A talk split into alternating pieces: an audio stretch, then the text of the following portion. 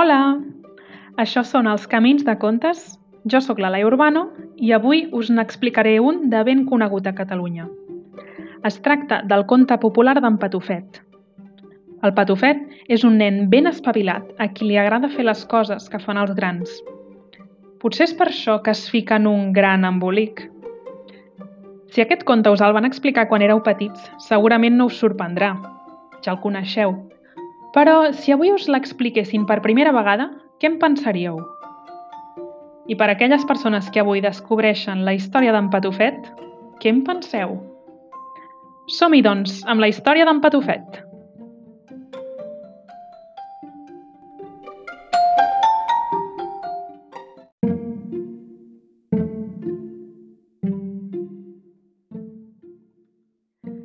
Hi havia una vegada un nen que era tan petit, tan petitet, que li deien Patufet. En Patufet era petit, però era molt llest i sempre li agradava fer les coses que feien els grans. Un dia, la mare, mentre feia coure l'olla, va veure que no tenia safrà. En Patufet, molt avispat, va tenir una idea. Va dir, mare, uh, jo puc anar a comprar aquest safrà? La mare mm, no ho veia gaire clar. Va dir-li, no veus que ets massa petit i la gent et pot aixafar pel carrer? En Patufet, que tenia moltes ganes d'anar a comprar safrà, va dir, mm, ja hi aniré cantant i així, si no em veuen, em sentiran. La mare no ho tenia del tot clar, però en Patufet va començar a insistir i a insistir i a picar de peus i a plorar una mica. I la mare, per calmar-lo, va dir «Bé, Patufet, aquí tens un dineret i ves a la botiga de seguida, però no t'entretinguis gens ni mica i torna així que hagis comprat el safrà». En Patufet, tan content de la tasca que li havien encarregat, es va calçar les espardenyes, es va posar la moneda sobre el cap com si fos un barret molt gros i va començar a cantar mentre sortia pel carrer aquella cançó que deia Patim, patam, patum, homes i dones del cap dret, patim, patam, patum, no tapitgeu amb patufet. Imagineu-vos, carrer amunt hi havia una moneda que es movia sola i cantava aquesta cançó. La gent s'apartava en veure aquesta cosa. No sabia què era. Però en Patufet, tan content com anava, anava cantant i va arribar a la botiga. Bon dia! Podria comprar una mica de safrà? El botiguer, que no havia vist ningú, però havia sentit aquella veu, va respondre «Qui hi ha?» En Patufet va insistir «Vull una mica de safrà». I el botiguer mirava a esquerra i a dreta de la botiga, però no el veia. En Patufet, cansat que no el veiés, va dir «Que no em veieu? Sóc aquí baix, si us plau, doneu-me una mica de safrà». I el botiguer va mirar cap avall i va veure una monedeta. Es va estranyar molt, però va decidir agafar una paperina de safrà i allà on hi havia aquella monedeta, posar-hi la paperina. En Patufet va agafar la paperina ben fort, va sortir al carrer i aquesta vegada, carrer avall, va començar a cantar. Patim, patam, patum, homes i dones del cap dret, patim, patam, patum, no trepitgeu amb patufet.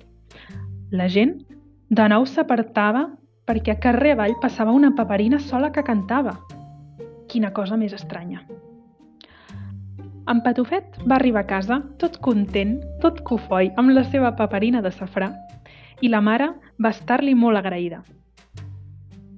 Aleshores, la mare es va donar que havia de portar el dinar al pare i que no tenia temps. I en Patufet va aprofitar la vinentesa per dir-li «Mare, mare, jo puc, anar jo puc anar a portar el dinar al pare?» La mare no hi estava gens d'acord. Va dir, no, això sí que no. El cistell és molt pesat i la feina del pare és massa lluny. Que no ho veus, que has de travessar camps i tot? En Patufet, trist, ell no volia, no volia, no volia abandonar. I va començar a insistir de nou. Eh, eh, eh, sisplau, jo vull anar a portar-li el menjar. Va, sisplau, mare, pare, sisplau, que no m'entretindré. Ja has vist que he anat a comprar safrà i no ha passat res. I tant, i tant, i tant que va insistir, la mare al finalment va dir «Va, Per no sentir-te plorar més, fill meu, té, aquí tens el cistell i ja pots anar a portar-li el dinar al pare. I en Patufet es va posar el cistell a sobre el cap. Uf, pesava una mica, eh? Però ell tenia molta força. I com si res, va marxar i va enfilar camí amunt, altre cop, cap a la feina del pare, cantant Patim, patam, patum, homes i dones del cap dret.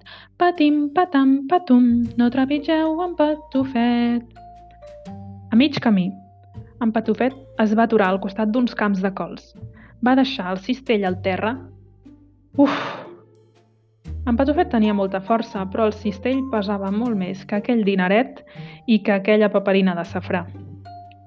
Va recolzar-se a una col per reposar una estona, però de sobte...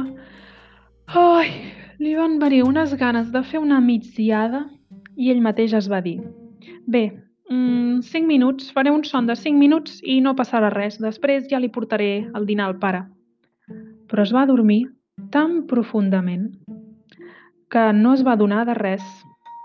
De cop i volta, hi havia un bou que pasturava per aquells camps. Va veure una col molt bonica que tenia una pinta espectacular. Precisament era la col del patufet i d'una queixalada es va cruspir col i patufet sencers. Com que en Patufet no havia portat el dinar al pare, ell, quan va tornar a casa, va preguntar a la mare com és que no m'heu portat el dinar? I la mare, en veure que el Patufet no havia arribat a la feina del pare, es va començar a preocupar moltíssim. I tots dos van sortir al carrer preocupadíssims fins a la feina del pare per veure si podien trobar el patufet, si podien esbrinar què havia passat. Van arribar a prop d'aquells camps i van veure el cistell aparcat a la vora del camí. Es van temer el pitjor, però van pensar que en Patufet no estaria gaire lluny d'allà. I per trobar-lo van començar a cridar «Patufet! On ets?» I en Patufet, des de dins la panxa, el sentia i començava a contestar ell Soc a la panxa del bou, on no hi neva ni plou. I els pares no el sentien. Continuaven cridant Patufet, on ets? Patufet, on ets? I en Patufet contestava cada vegada més fort Soc a la panxa del bou, on no hi neva ni plou. De sobte, van els va semblar que havien sentit el seu fill i van començar a cridar més fort i més fort «Patufet, on ets?» I en Patufet responia més fort encara «Soc a la panxa del bou, on no hi neva ni plou!» Els pares van entendre que el seu fill era dins la panxa del bou. Aleshores, se'ls va acudir una idea per fer-los sortir d'allà dins. Van començar a donar de menjar al bou. Van començar a donar-li totes les cols que hi havia en aquell hort, una col darrere l'altra. El bou anava menjant-se-les. I a mida que s'anava menjant aquelles cols, però s'anava inflant i inflant i inflant i inflant i tant i tant i tantes cols que havia menjat es va inflar tant que al final no va poder més i aquell bou va fer un pet que, pam, com un llampec, va sortir el patufet. Quina pudor! Però el patufet estava tan content com si no hagués passat res. I els tres Pare, mare i Patufet van tornar cap a casa seva cantant la cançó. Patim, patam, patum, homes i dones del cap dret. Patim, patam, patum, no us mengeu en patufet. I vet aquí un gos, i vet aquí un gat, que aquest conte ja està acabat. I vet aquí un gat, i vet aquí un gos, que aquest conte ja s'ha fos.